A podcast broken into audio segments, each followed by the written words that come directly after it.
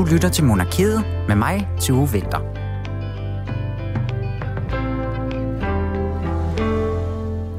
Her i weekenden, der var der jo bekendt, som bekendt valg i Tyskland. Og eftersom Tyskland ikke har et kongehus, så er det jo altså ikke et land, vi beskæftiger os så meget med her i monarkiet, som du altså lytter til lige nu. For her onsdag eftermiddag, der handler det jo mest om folk, der er blevet født til noget, og altså ikke valgt til noget. Men for ikke så frygtelig mange år siden, der vrimlede det altså med fyrster og hertuger og kejser og konger hos vores tyske naboer. Og i anledning af valget, så er det altså dem, vi især skal lære at kende lidt i dag. Men i midlertid så kom der jo altså for nylig en dansk vinkel på hele det her, fordi at øh, kongehuset de meldte ud, at det første statsbesøg her efter pandemien, det skal gå til netop Tyskland. Og derfor så tager vi altså en snak med Per Erik Veng, der er en del af bestyrelsen i øh, Dansk-Tysk Selskab blandt andet, om det besøg. Og så kommer vi jo altså ikke uden om, at det også her i weekenden var, at kronprinsparets priser de blev delt ud. Og i år helt uden restriktioner, så det hele var som det plejede, da kronprinsparet var værter for en festlig aften i Vejle. Og Julie Lindhardt Højmark, hun kommer og vender den aften med mig samt et andet kongenyt om ganske få sekunder. Jeg hedder Tue Vinter. Velkommen til Monarkiet.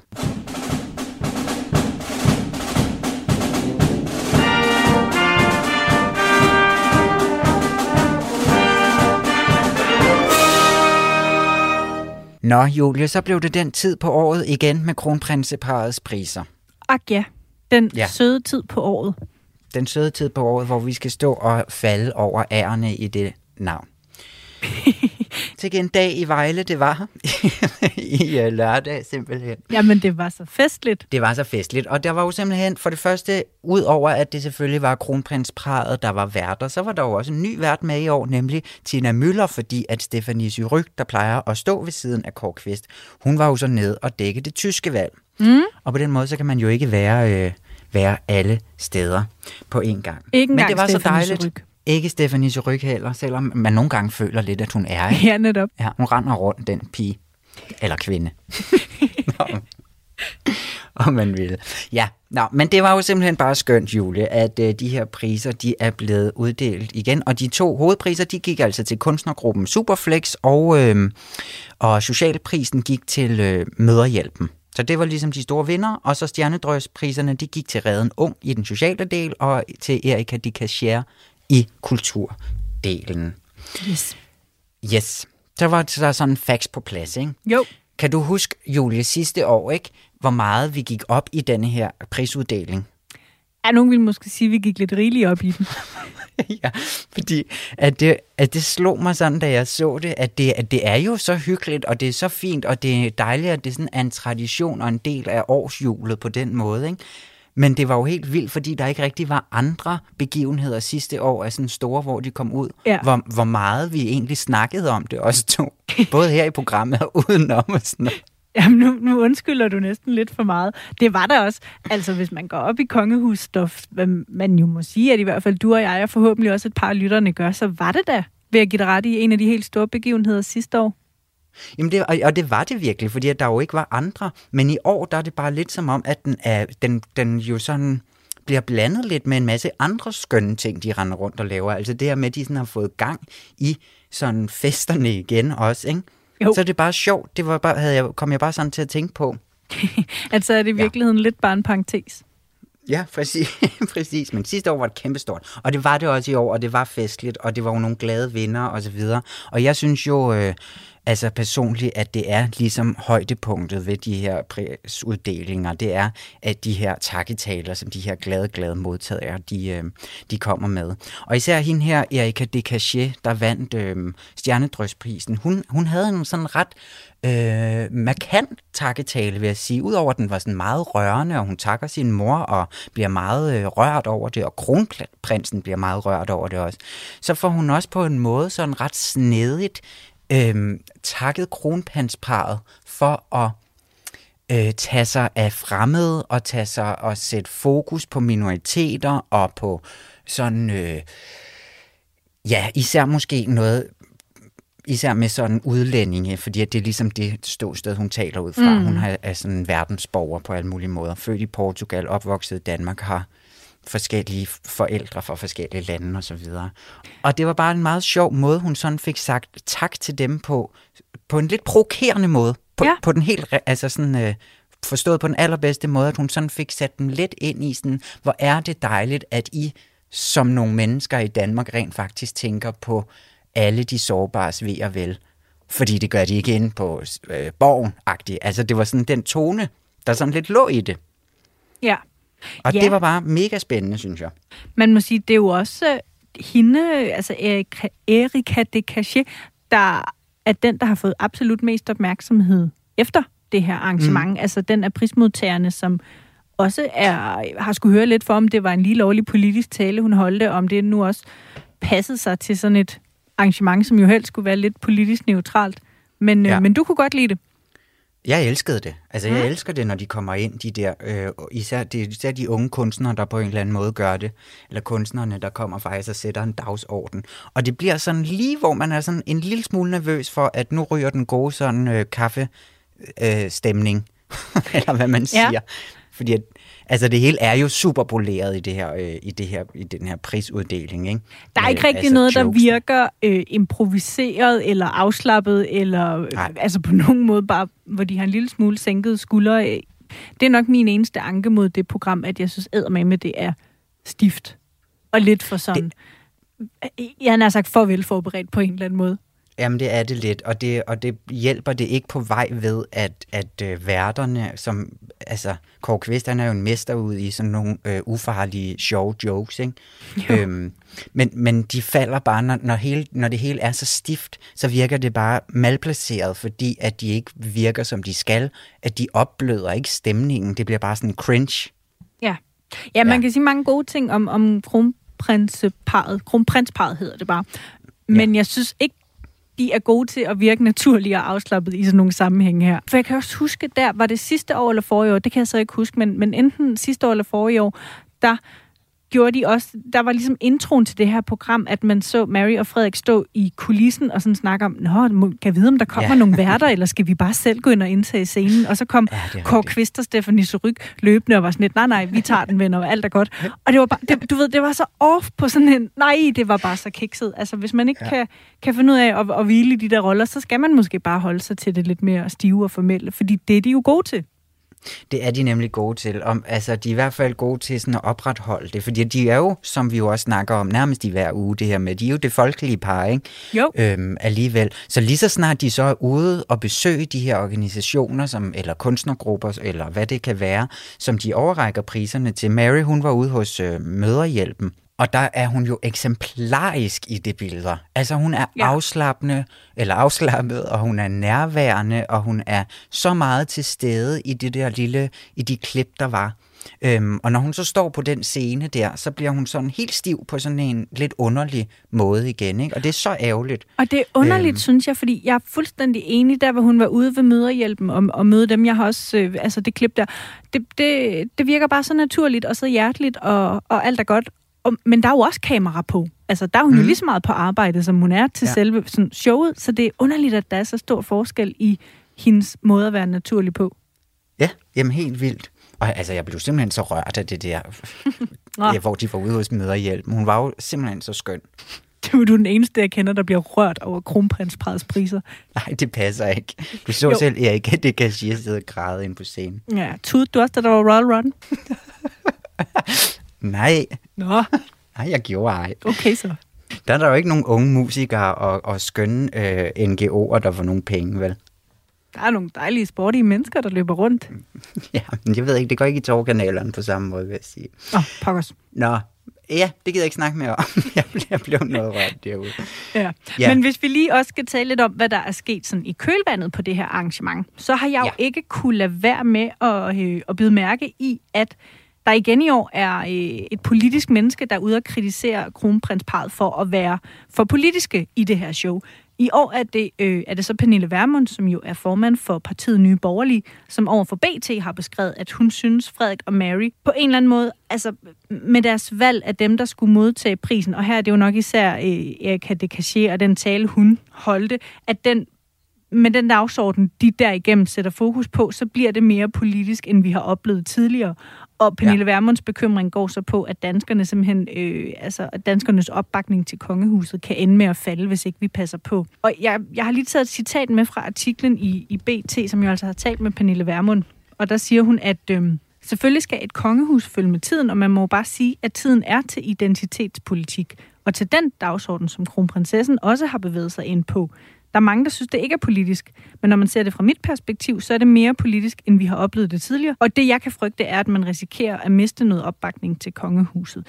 Og det synes jeg bare er interessant, fordi hun faktisk ikke er den første til at sætte fokus på, på netop det her. For to år siden i 2019, der var det den borgerlige debattør Eva Selsing, der i et debatindlæg i Berlinske også kritiserede kronprinsparet for at bevæge sig væk fra at være politisk neutrale og bevæge sig i en mere venstreorienteret retning. Ja hvor hun også opriser det her med, at vi har en kronprinsesse, der øh, altså ved at være protektor for det her LGBT plus øh, arrangement Copenhagen 2021, øh, ved at have valgt det frem for eksempelvis at vælge familier eller forfulgte kristne, som, og det er så det, Eva Selsing bruger som eksempel, der, der kritiserer hun dem så også på den måde for at have, hvad skal man sige, at være måske for progressive på en eller anden måde ja. i forhold til, hvor størstedelen af danskerne er.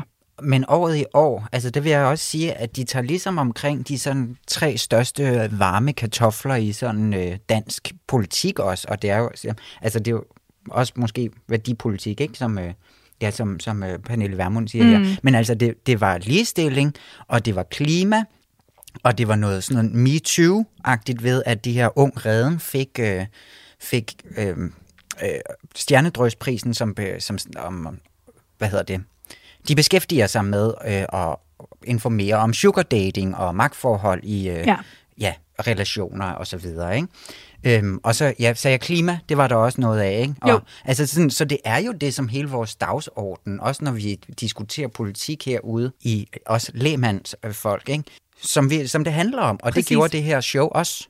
Og det er jo det, der er på en eller anden måde desværre dilemma, fordi jeg kan godt se pointen i, at, at selvom de tre temaer eller emner er helt totalt, altså øh, dem, der fylder mest i dagsordenen, så er der ja. også nogen, der på en eller anden måde befinder sig mere på, på den venstre side af den politiske fløj end på den højre side. Altså, og, og hvis man deler det synspunkt, så kan, man, kan jeg jo egentlig godt følge både Pernille Vermund og i sin tid også Eva Selsings sådan, holdning om, at at det er jo også et problem, hvis kronprinsparet ikke spejler sig. Hvis alle ikke kan spejle sig i dem, hvis de på en eller anden måde kun eller i for stort omfang vælger nogle dagsordner, som bare hører mere til ude på den ene politiske fløj end den anden. Men ja, men altså, så skulle man jo bare tro, jamen så får de jo bare nogle følgere i kongehuset fra den anden side. Jo. Altså, som jo normalt er mod, eller altså sådan, måske mere tenden, tendenserende mod at være imod kongehuset.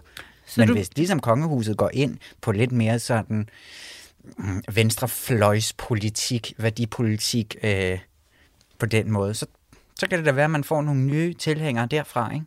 Jo, spørgsmålet er bare, om det så bliver på bekostning af, af nogen, som ligger øh, ude på højrefløjen, at de på, øh, lad os bare sige, om 20-30 år synes, vi kan ikke genkende de værdier, vi står for, øh, og som vi synes er vigtige i vores kommende kongepar. Det er jo så også et problem. Så kan det godt være, at man trænger nogle nye til, men man skulle jo helst ikke, altså og nu taler jeg bare sådan bredt set, helst ikke miste nogen på vej. Nej, nej, men det er rigtigt nok. Det skulle man jo helst ikke. Men til gengæld så vil jeg sige, at de har jo kørt en meget sådan konservativ øh, strategi i kongehuset. Altid, ikke? Måske det var fint nok, at der kom lidt mere møderhjælp og lidt mere øh, venstreorienterede værdier ind i, øh, ind, ind i sådan, ja, mm værdierne i kongehuset. Jo, for man må jo også sige, hvis kongehuset bliver for reaktionært og sådan, øh, bliver helt ude af trit med tidsånden og de emner, der i øvrigt fylder i samfundet, så mister det jo også en eller anden form for relevans. Altså, så vil ja, det jo også kunne få kritik for at være for gammeldags og for stokket, og ja, ja, jeg skal ja. komme efter dig.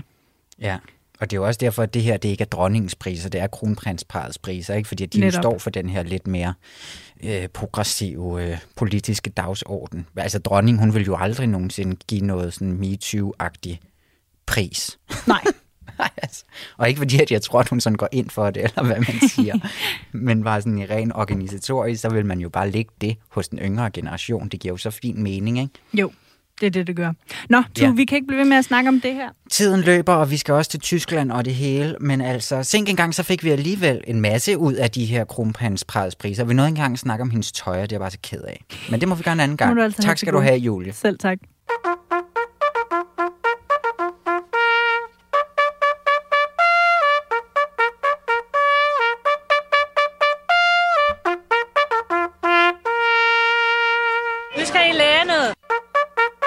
Her på vores øh, monarki Tysklands dag, om man vil, der øh, var vi jo simpelthen så heldige, at der kom en, en nyhed fra hoffet om, at det første statsbesøg her efter pandemien, det skal gå til Tyskland. Så det var jo dejligt, at, øh, at vi kunne få en nutidig vinkel på i dagens program også.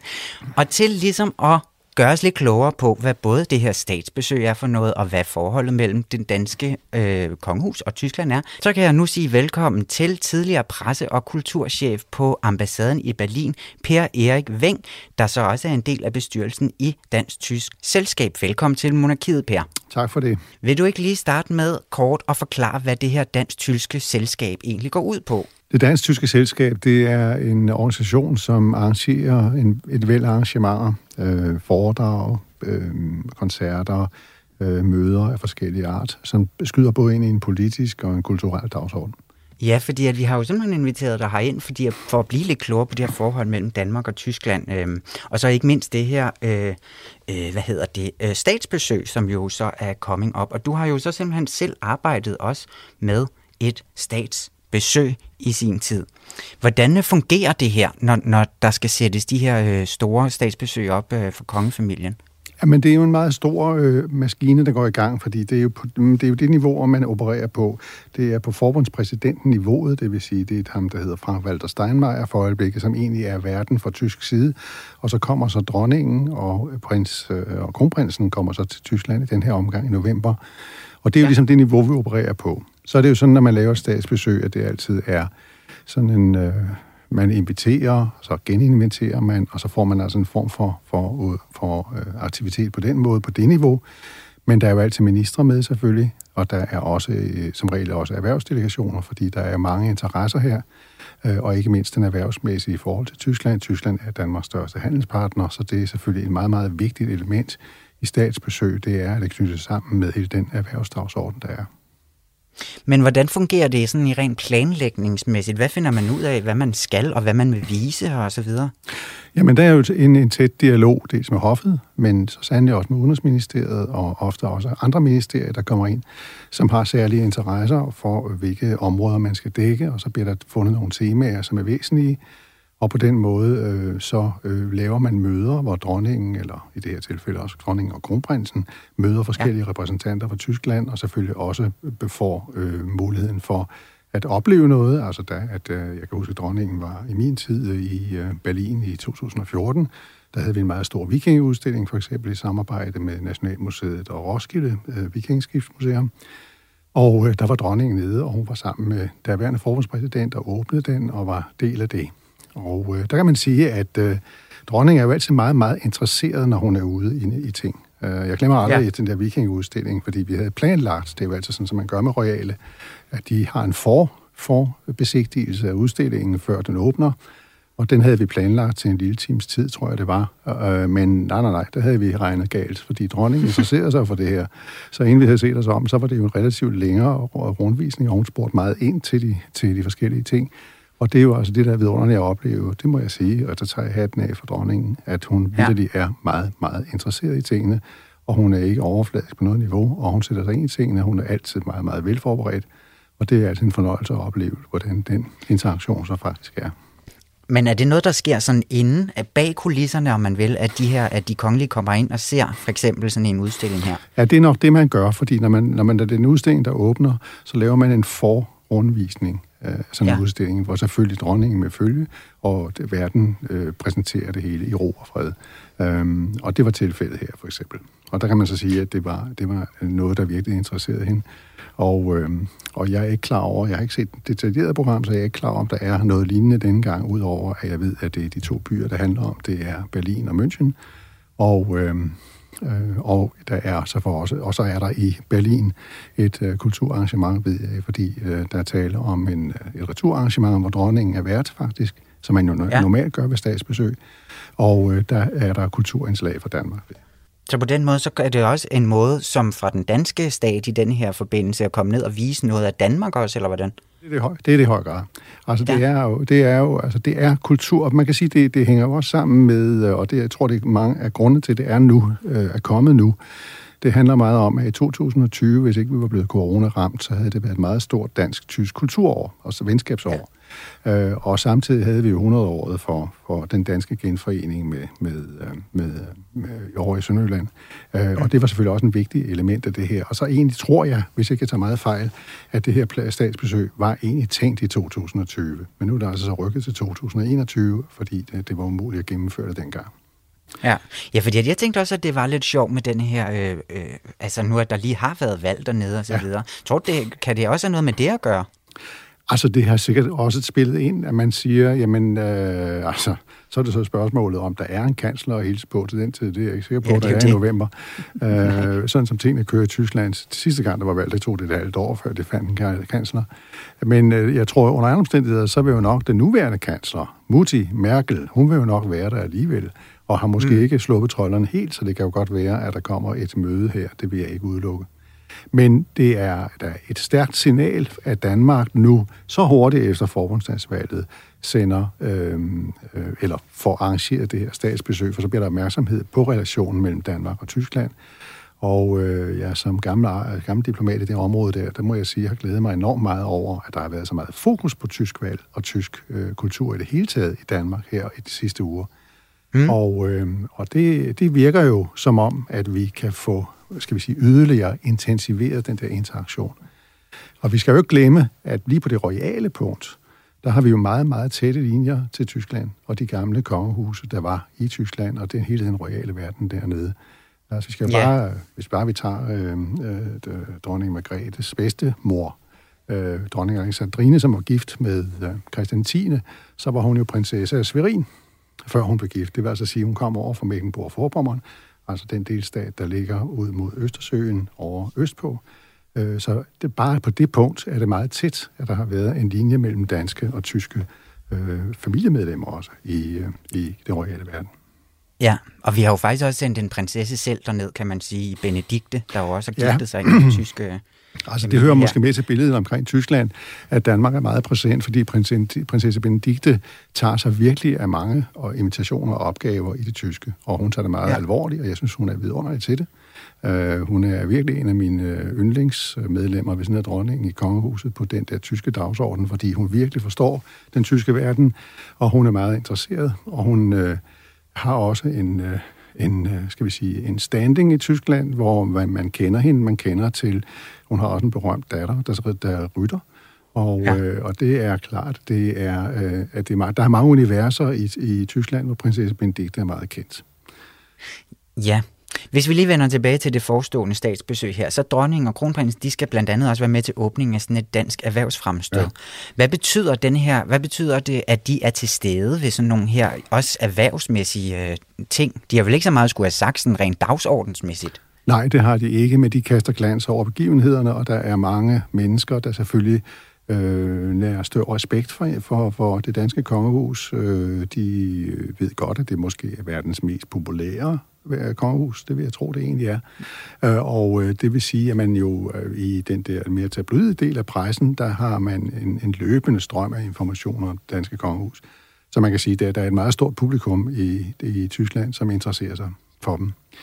Ja. Øhm, I min tid, der havde vi øhm, kronprinsen og, og kronprinsessen, kronprinsessen Mary, øh, flere gange i Tyskland. Og øh, der kan man sige, at øh, begejstringen for det par, og begejstringen også for hende ikke mindst, øh, øh, var ret overvældende, det må jeg sige. Øh, Hvordan oplevede du det? Jamen, øh, måske den erindring, jeg har stærkest, det er, at øh, der er en stor mediepris, der hedder Bambi-prisen i Tyskland, som blev, øh, øh, som blev øh, øh, givet til kronprinsessen øh, Øh, for hendes arbejde gennem sin fondsarbejde. Og det er et stort tv-show, som bliver afviklet i det, i det stores, øh, den, den store biograf eller sal, der er er midt i Berlin, som bliver brugt af filmbanalen også øh, på Marlene Dietrichs Og der øh, var det egen tv-transmission, og jeg må sige, at jeg var virkelig, virkelig imponeret af kronprinsessen der. Fordi hun gennemførte en tale, ikke på tysk, og hun startede på tysk og sluttede på tysk, men ellers talte hun engelsk, men hun, sang, men hun gennemførte hele talen med teleprompter direkte tv. Og det vil sige, at altså, hun for så vidt havde den der professionalisme, vil jeg sige, til at, at levere øh, en sådan tale fuldstændig fejlfrit, og, og i øvrigt så altså med direkte tv-transmissioner, det pres, der ligger i det. Og det viser lidt om, hvor, øh, måske svært at sige det ord, men det er et meget professionelt kongehus, vi har nu. Mm. Øh, og det er jo ikke mindst den unge generation, der har professionaliseret det på alle leder kanter.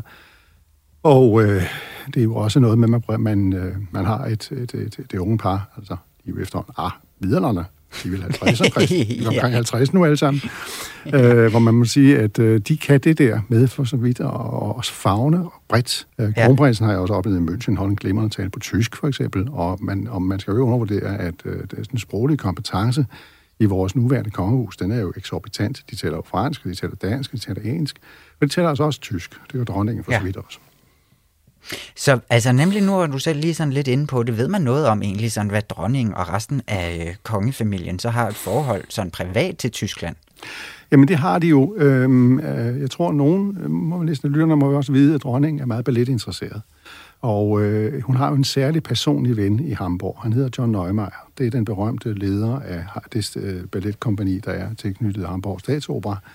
Og øh, jeg ved, at de er private venner, og øh, han er ofte i Danmark jo og laver produktioner på Kongeteater med en kongelige ballet, hvor dronningen er til stede. Og jeg ved også, at dronningen har været flere gange i Hamburg. Hun har også været flere gange i Hamburg incognito, øh, fordi hun ville følge øh, aktiviteten og ballettens virksomhed i, øh, på, på, på operan i Hamburg.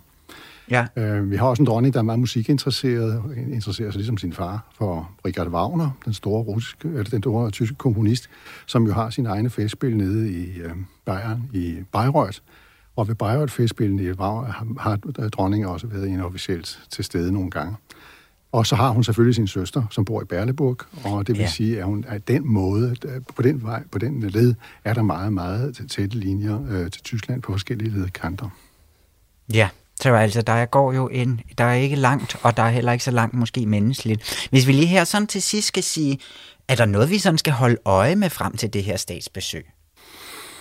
Oh, jamen, altså, det er jo en politisk situation. Altså, det, jeg vil tro også, at mine gamle kolleger, som nu sidder med, med fingrene dybt ind i det her sagsbesøg, er selvfølgelig vældig spændt på at sige, når er der en politisk leder, øh, som de kan møde? Øh, er der en kansler? Er der en minister? Er der, er der planer om, at man overhovedet bevæger sig ind i den verden? Jeg kan formode, at det er der nok ikke. Jo, det er der, hvis der kommer noget på plads. Men ja. ellers må man sige, et, et, et, et besøg, der finder sted der i november måned, der er det jo altså ikke sikkert, at de her komponenter er helt på plads politisk, og så er det så spørgsmålet, hvem man så øh, i givet fald mødes med. Det man mm. i hvert fald ved, det er, at man vil nok mødes med en masse counterparts i forhold til erhvervsliv, og der kommer også kulturrepræsentanter og forskellige lederkanter. Og så kan man sige, at øh, Berlin er jo en, en melting pot på alle lederkanter. Det ved vi alle sammen, og det bliver selvfølgelig spændende med Berlin-besøget, men omvendt kan man også sige, at øh, nede sydpå i Bayern, i München, hvor der også skal være statsbesøg, der er det jo øh, tradition, vil jeg næsten sige, at der er meget, meget, meget stor interesse for kongehuset. Øhm, ja. Jeg kan til sidst sige, at øh, vi havde en, et, et, et besøg, øh, der var et statsbesøg, hvor, hvor der var gæstespil, altså der var besøg i uh, Hamburg, og så var der i München. Og der var meget, meget stor forskel på den oplevelse, fordi øh, der var et væld af pressefolk, næsten helt overvældende presse af, af omfang i München. Det er jo det gamle kongerige øh, Bayern. Ja. Øh, og øh, til gengæld i Hamburg, som jo ligesom er en, øh, for en havn, det er en hansestad, det er øh, gamle handelsfolk, der er der det er for så vidt en verden, der er lidt fjernere i forhold til det royale. Så derfor kunne vi tydeligt mærke, at der var en lidt anden, anden øh, attitude der, end der var i øh, München. Men tror du simpelthen, det er noget, der stadigvæk sidder fast, at det er derfra, at interessen så kommer ned i Bayern? Ja, ja, et eller andet sted.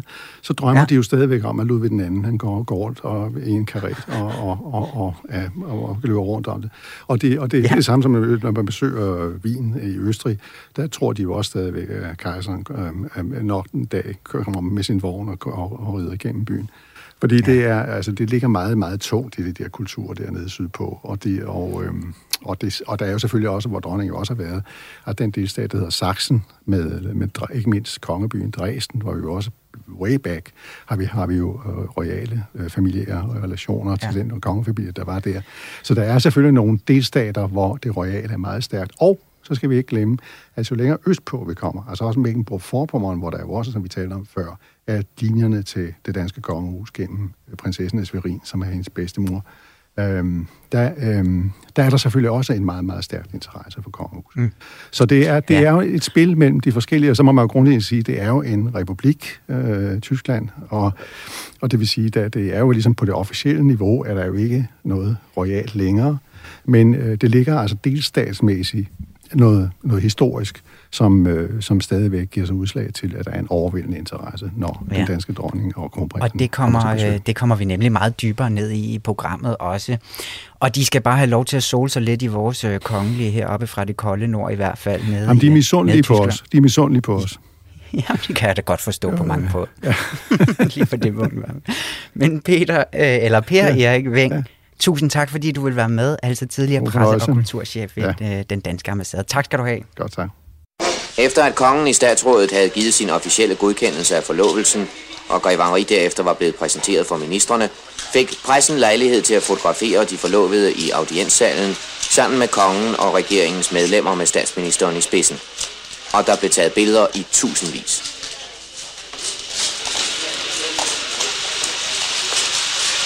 Nu må det være nok.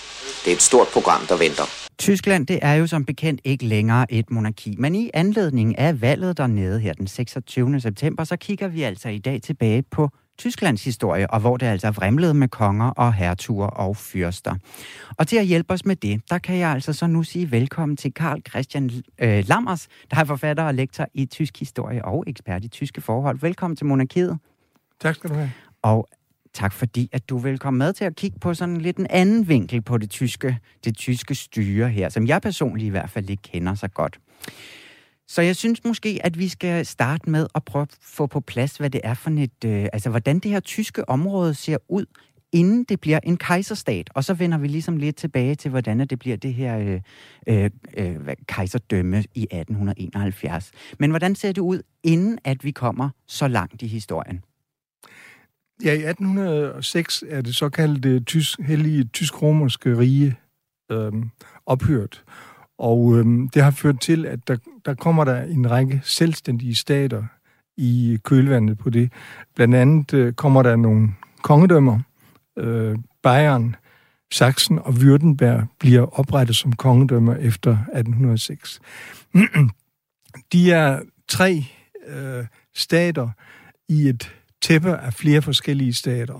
Øh, I 1806 er det formentlig omkring 35 forskellige tyske stater, øh, små og større og mindre stater, kongedømmer, fyrstedømmer, men der er også tre bystater, øh, som altså har en mere demokratisk forfatning, kan man sige.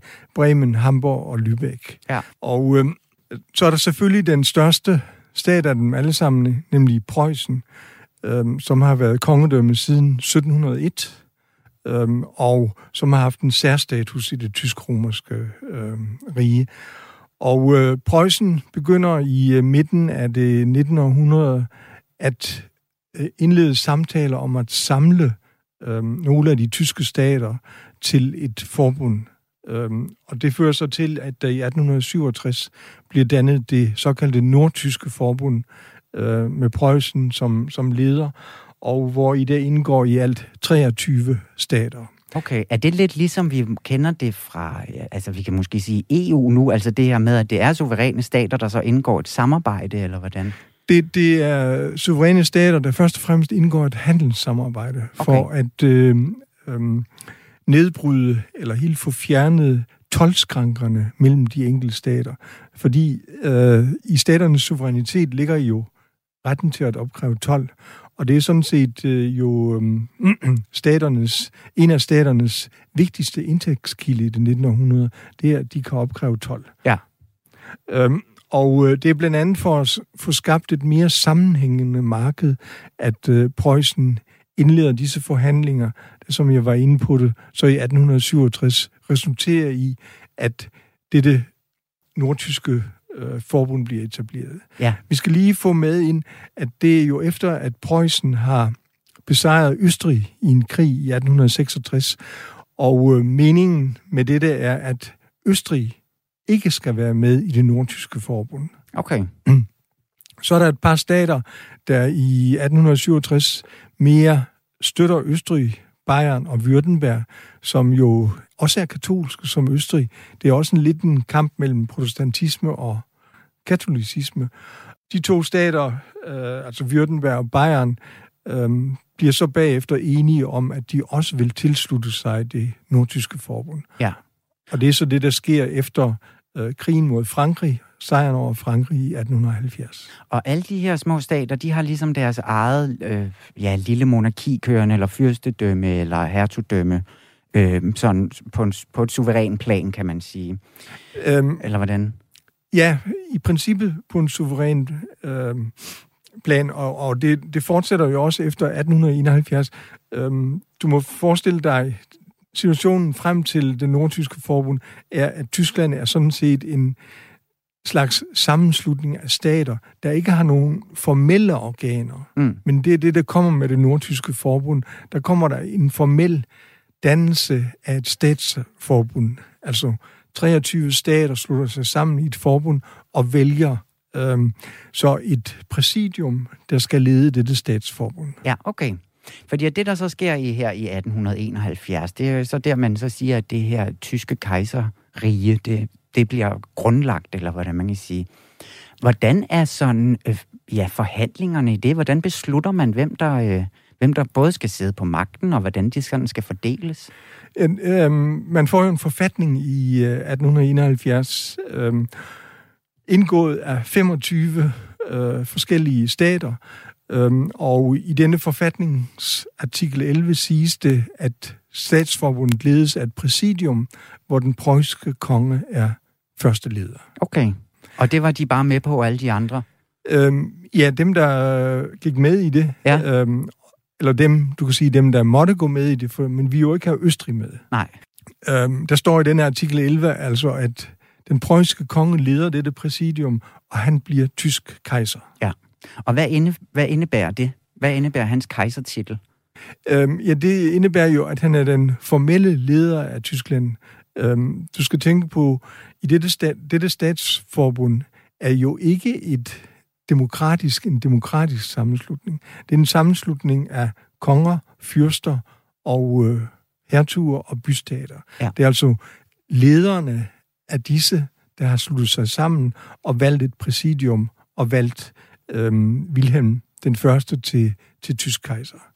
Øhm, og øh, det vil sige, at han jo formelt får beføjelser til at udpege en regering, en rigskansler, øhm, en regering, og øhm, så er der godt nok også en, en rigsdag, men øh, den har jo ikke særlig store beføjelser. Øhm, der er ikke noget med, at øh, rigskansleren skal have tillid i øh, rigsdagen. Øhm, øhm, den skal godkende budgettet. Det er sådan set dens, dens vigtigste funktion. Okay, så, det, så den her kejser har ret meget magt over de andre også, over hele øh, samfundet på det her tidspunkt? Ja, han er den, den øh, fødte leder af det, men de enkelte stater i statsforbundet har jo en indre suverænitet. Ja. Øhm, det vil sige, de har suverænitet med hensyn til uddannelse, med hensyn til øhm, økonomi, med hensyn til sundhed, øh, og i et vist omfang jo har de også deres egne militærstyrker. Øhm, da Første Verdenskrig udbryder i 1914, stiller for eksempel øhm, kongeriget Bayern med sine egne styrker. Det er et separat eller separate bayerske regimenter, der optræder. Det er ikke tyske mm. regimenter, men de står på det tyske riges side. Og de kæmper sig stadigvæk under forskellige monarker. Altså, så kongerne og fyrsterne, de beholder så stadig deres titler? Øhm, de beholder deres titler, men øhm, det er jo ikke alle sammen, der har eget militær.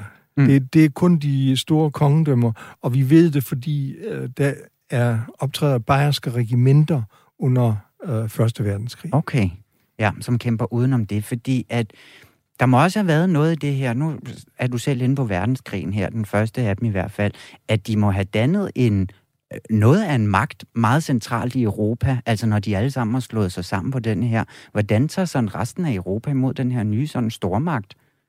Ja, Preussen var jo allerede anerkendt som stormagt efter Wienerkongressen i 1815, altså regnet som en af de fem store europæiske øh, magter. Øhm, og man kan sige, at Preussen udbygger sin magt øhm, ved at blive leder først af det nordtyske forbund, og så leder af Tyskland, reelle leder af Tyskland. Preussen udgjorde jo med hensyn til området og befolkningen to tredjedel af det tyske område, så det var en overvældende stor magt i Tyskland.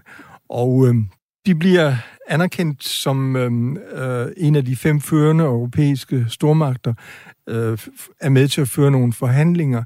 Men øh, der opstår problemer, da ikke den første kejser, øh, altså Wilhelm den første, men den tredje kejser, Wilhelm den anden, i gang sætter bestræbelser for at gøre Tyskland til en verdensmagt.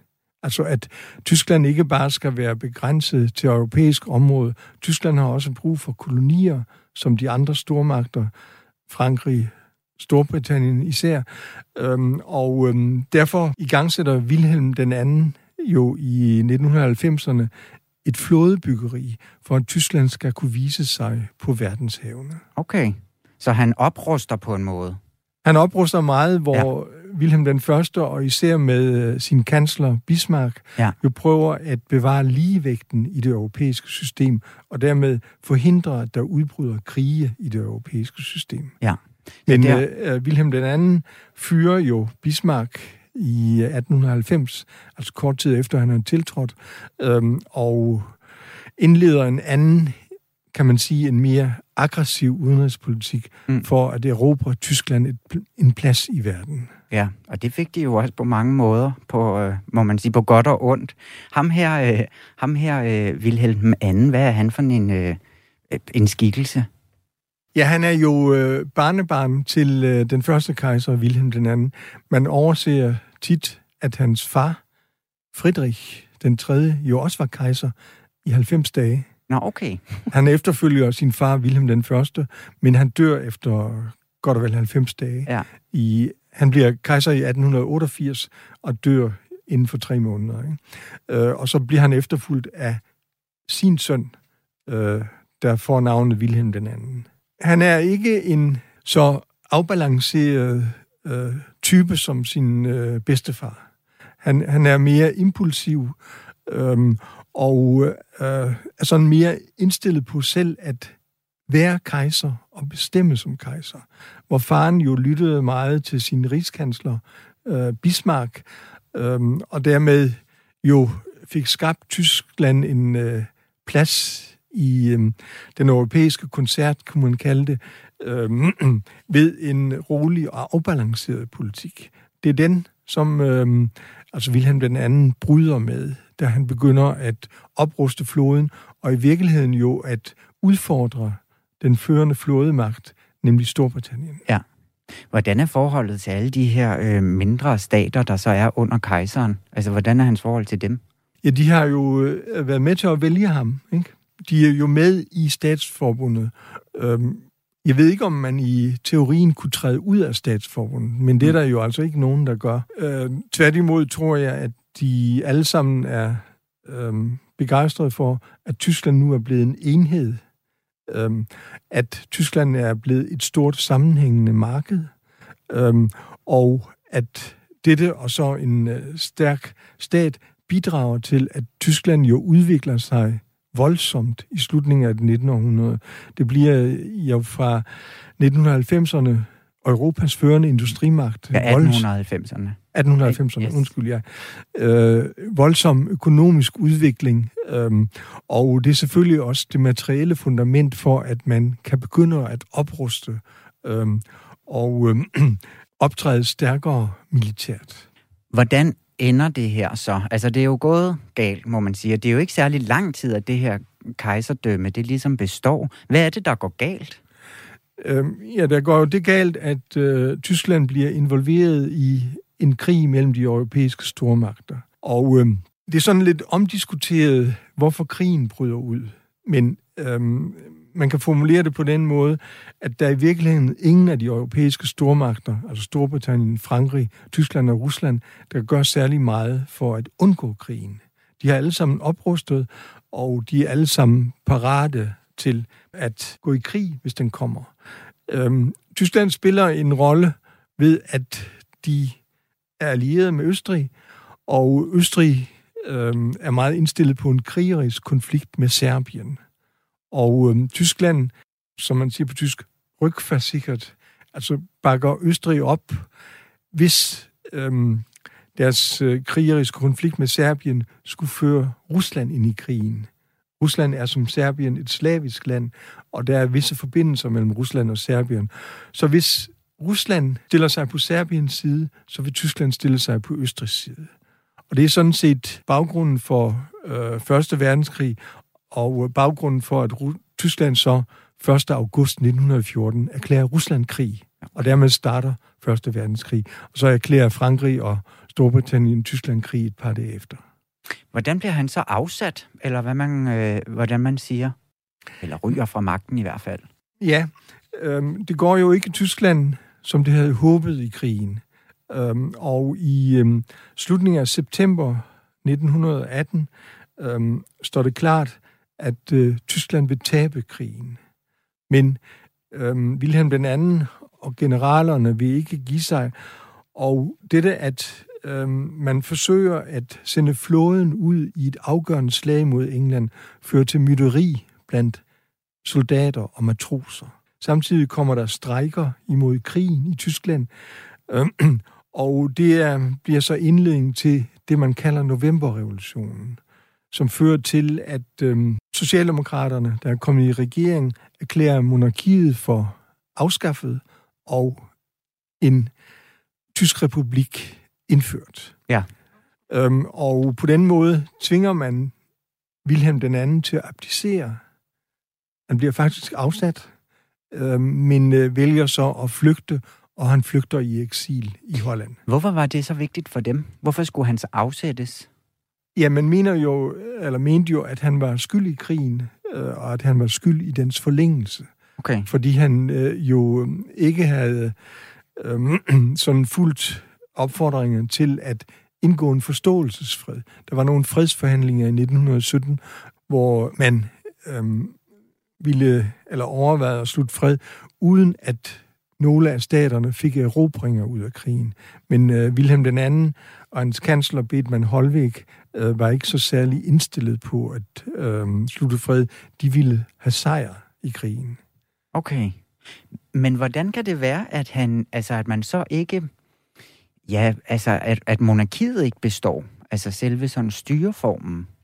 Ja, det skyldes jo, at den sociale, en af de socialdemokratiske ledere, Philip Scheidemann, erklærer monarkiet for afskaffet. Så det er, Og- fordi han siger det?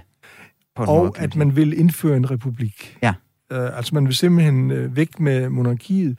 Og det fører jo også til, at stort set alle monarkier og fyrster og hertugdømmer falder inden for de næste to-tre måneder. Ja, i så, hele ryger, Tyskland. så han trækker alle, alle de mindre stater med ned der. Øhm, ja, og det gør øh, novemberrevolutionen jo i virkeligheden, fordi det er en revolution, der øhm, breder sig til hele Tyskland. Det er i virkeligheden en opstand, kan man sige, mod det herskende politiske system, og det herskende politiske system er et monarki. Så det bliver simpelthen afskaffet, og derfor så har vi altså ingen øh, tyske konger og dronninger øh, den dag i dag. Men sidder der noget stadigvæk fast i tyskerne, eller tyskernes bevidsthed om, omkring den her, at det har været en kejserstat, og har der et tilhørsforhold til det, man kommer fra, eller? Ja, der, der er jo mange tyskere, der efter kejserens afgang er meget chokeret, og i virkeligheden håber, at kejseren sådan set kan overleve, og at monarkiet kan fortsætte. Men når han flygter, øh, det er nok en tal, vi skulle have med, så skyldes det jo, at øh, de magter, der i Antanten fører krig mod Tyskland, de har besluttet at stille dem, der er ansvarlige for krigsforbrydelser for retten. Ja. Og øh, som øverste leder af det tyske kejserige, må han regne med at blive gjort ansvarlig. Øhm, og dermed, øhm, hvis han var blevet i Tyskland, ville de allierede have krævet, at der blev indledt en retssag mod ham. Derfor flygter han til Holland øh, og kommer væk fra øhm, alle mulige retssager og bliver i Holland til sin død i øhm, øhm, 1941. Ikke? Hmm. Kan det på en måde sidestilles, fordi at der er jo forskellige øh, hvad hedder altså delstater i Tyskland i dag, og det er delt op også i nogle forskellige øh, øh, ja, jo ikke suveræne stater, men, men det her med den samme sådan hierarki, kan det sådan sidestilles med, med kansleren og præsidenten, og så de her, hvad hedder sådan nogle ministerpræsidenterne rundt omkring i de forskellige øh, Ej, der, der er den afgørende forskel, at øh, kejserdømmet og det preussiske monarki er arveligt, ikke? Jo. Mens øh, de nuværende øverste ledere, forbundspræsident, kansler og ministerpræsident er valgte. Øhm, det er jo det autoritære system, kejseriet, hvor sådan set magten gik i arv fra far til søn. Ja, som vi jo kender det i monarkier. Men du, du var lidt inde på det der, om der er noget tilbage af det. Ja. Øhm, ja, der, der kører jo i øjeblikket nogle undersøgelser, muligvis fører det også til en retssag, om den slægt, som kejseren tilhørte, Hohenzollern-slægten, om de kan kræve at få de jorder og godser erstattet og værdifulde ting, som de i forbindelse med eksproprieringen af øhm, alle storgodser i det tidligere DDR skete efter 1945. Mm. Og øhm, det, det er sådan set en strid om sønnen til Wilhelm den anden, øh, altså kronprinsen, der jo øh, blev medlem af Nazi-partiet, og man aktivt bidrog til at bringe nazisterne til magten. Hvis han gjorde det, så har de ingen mulighed for at få erstatning. Nej, okay. Så, så det er sådan set en diskussion mellem historikere, om øh, han aktivt har bidraget til at hjælpe nazisterne til magten. Men var, er, er det en sag, der stadig kører? Ja, ja eller kører, øh... øh, eller det, det er faktisk en sag, der er kommet op her inden for de sidste par år. Okay. Så er der nogle efter, efterkommere af, af, af ham her, øh, kejseren og den her familie. Ja. For dem ved man vel godt, hvem er, og, altså, og, og alle de andre små kongeriger, dem kender man vel også? Ja, der, der, der er jo øh, for eksempel arvingen til øh, Hannover, øh, som sådan er sådan lidt skandale om brust øh, fyrste, eller prins, jeg tror, han kalder sig prins, ikke, øh, som har været forlovet med øh, en eller anden fornem kvinde fra Monaco og et eller andet. Ja, okay. Det er jo sådan, at nogle af disse øh, slægter, øh, altså Hohenzollern-slægten, øh, eksisterer jo stadigvæk.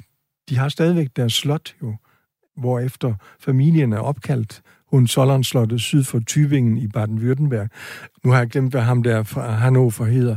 Øhm, han øh, har jo også nogle slotte i øh, Niedersachsen, hvor Hannover ligger.